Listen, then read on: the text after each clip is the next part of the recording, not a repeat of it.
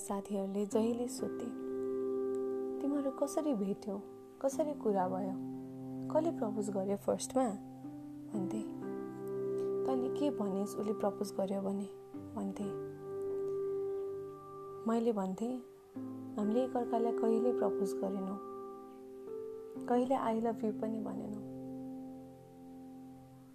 तर जस्तो थियौँ खुसी थियौँ। मलाई जिस्काउँथे। मलाई उनीहरूले आफ्नो जीवनको हाँसोको पात्र बनाउँथे। तर म खुसी थिएँ जसलाई मैले एकहोरो चाहेको थिएँ आज मसँग छ। जीवनका हरेक कुरा दोहोरो भयो भने मात्र जीवन सहज हुन्छ भनिसिन्थ्यो बाबाले। तर हामीलाई के थाहा थियो र? मेरो एकहोरो मायाले पनि उसलाई म कहाँ डोर्याउँदो रहेछ भनेर। हप्ताभरि ऊ आफ्नो काममा बिजी हुन्थ्यो र म मेरो कलेज र घरमा। हामी सँगै जम्मा शनिबार हुन्थ्यो। अरू शनिबार आफ्नो परिवारसँग बिताउँथे तर म उसँग। किन? किनभने ऊ मेरो परिवार हो। जसो तसो बिहिबारसम्म दिन कट्थ्यो तर जब शुक्रबार भएपछि मन नै फुरुङ्ग हुन्थ्यो। म एक्लै आफ्नो कोठामा गाउने रमाउने अनेक थरी नाटक गरेर बस्थेँ। भोलि के लाउने होला? यो अस्ति भर्खर ल्याएको त हो नि। उसले के भन्ठान्छ होला? यो अलि हुँदैन। यो अलि मिलेन। भन्दै आफूलाई ऐनामा दिनभर निहालेर बस्थेँ। त्यो रात हामी शनिबार के गर्ने कता जाने भनेर प्लान बनाउँथ्यौँ। दिनभर भेट्दा समय यसरी बित्थ्यो कि मानौ? घामको रोटेसन पनि शनिबार चाहिँ अलिक छिटो अरू दिनको तुलनामा भए जस्तो लाग्थ्यो। जति जति पाँच बज्न लाग्थ्यो हाम्रो मन खुम्चिँदै जान्थ्यो।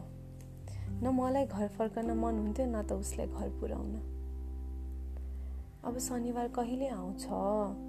सानो बच्चाले मुख खुम्च्याउँदै भने जसरी उसले जहिले भन्थ्यो। माया लाग्थ्यो छोडेर जान मन लाग्दैन थियो तर के गर्नु? मायाले सबै थोक्दो हुनु नहुँदो रहेछ नि होइन र? मलाई घर नजिकैको गल्लीसम्म पुर्याउँथ्यो उसले। उसको आँखाले भ्याएसम्म देख्ने गरी ऊ बाइकमा बसेर हेरिरहन्थ्यो। म भने आफ्नो टोलका मान्छेले देख्लान् कि भन्दै नचिने जसरी हिँड्थे। म घर छिरेर उसलाई फोन गर्थेँ। ऊ भने जहिले एउटै क्वेसन गर्थ्यो। बाबाले गाली त गरिसेन नि। मम्मीले कहाँ गइसकेको सोधिसेन नि? उसका प्रश्नको जवाब सधैँ हुन्थ्यो मसँग। तर मायाको लागि हरेक कुरा पचाइँदो रहेछ। हरेक परिस्थिति हरेक परिस्थितिसँग लडिँदो रहेछ। र हरेक घाउ मलम बिना नै निको हुँदो रहेछ। आज टाढा छौ। माया लाग्छ पिर लाग्छ। अनौठो चिन्ता र डर हुँदो रहेछ। आँखा सामु नभएर पनि होला सायद। नदेखेको पनि त निकै नै भयो नि। हाम्रो समय यसरी नै बितिरहेको थियो। दिन हप्तामा परिणत भयो र हप्ता महिनौमा। उसले भ्याएसम्म मलाई आफ्नो टाइम दिन्थ्यो र म उसलाई कहिले भेट्न पाइएला भन्ने आशले मनमा एउटा हताश र शून्यता छाउँथ्यो। कुनै चाडबाड आउँदा उसको अनुहारमा लुकेको निराशा मैले पढ्न सिकिसकेको थिएँ। उसको खुसी र उसको दुःख उसले नबोलिकन थाहा पाउन थालेकी थिएँ। किन होला है? हामी आफू रोइ कराई गरेर भए पनि आफूभित्रको भाव देखाउँछौँ। तर त्यही भाव त्यही भावको हलचल केटा मान्छेले देखाउन नहुने। किन? मनमा लुकेको पिर र डर उनीहरूले आँसुमा बगाउन नसकेको। उसको त्यस्तो अँध्यारो र उदास मुहार देखेर म आफै बक्कानिन्थेँ अनि सोच्थेँ म पनि नभएको भए ऊ आफ्नो एक्लोपनसँग कसरी गुजारा गर्थ्यो होला। बल्ल बुझ्दै थिएँ घरबाट टाढा बस्नेलाई कति गाह्रो पीडा र एक्लोपनको सामना गर्नुपर्दो रहेछ भनेर। करिब दस महिना पुग्न लागेको थियो। ऊ मेरो साथसँगै नभएको नभएकाले पनि होला मिस पनि यति गर्थ्यो कि कहिलेकाहीँ सास नै फुत्केला जस्तो हुन्थ्यो। उसको बारेमा सोच्दा सोच्दै सास फेर्न नसकेको जस्तो हुन्थ्यो।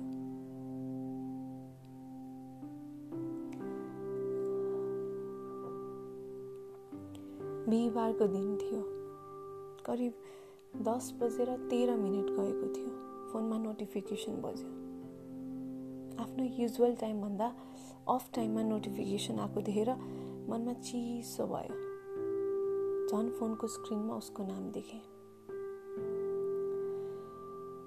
अरू बेला भन्दा एकदम अफ टाइममा उसको मेसेज आएकाले मेरो मन नै आत्तियो। मुटु नै चिसो भएर मेरा शरीरको टेम्परेचर नै एक्कासी लो भएको फिल गरेँ। हत्तपत्त स्क्रिन अनलक र मेसेज हेरेँ। I am coming back I book my tickets sleep well talk to you भोलि मेसेज एक झटमै पढेर कल गरिहालेँ। साँच्ची हो नि प्र्याङ्क गरे त होइन नि। नजिस्काउ है मलाई यो पालि। मैले भने मेरो मनको कौतूहलताको सीमा नै थिएन। साँच्ची हो म किन झुटो बोल्नु यो कुरामा? म आउँछु अब। अति भयो सक्दिनँ म। भोलि भन्छु भन्ठानेको तर आफूलाई रोक्न सकिनँ। उसले लामो सास फेर्यो। त्यो एक सेकेन्डको उसको त्यो लामो सास र मौनताले मेरा हजारौँ प्रश्नको उत्तर दियो।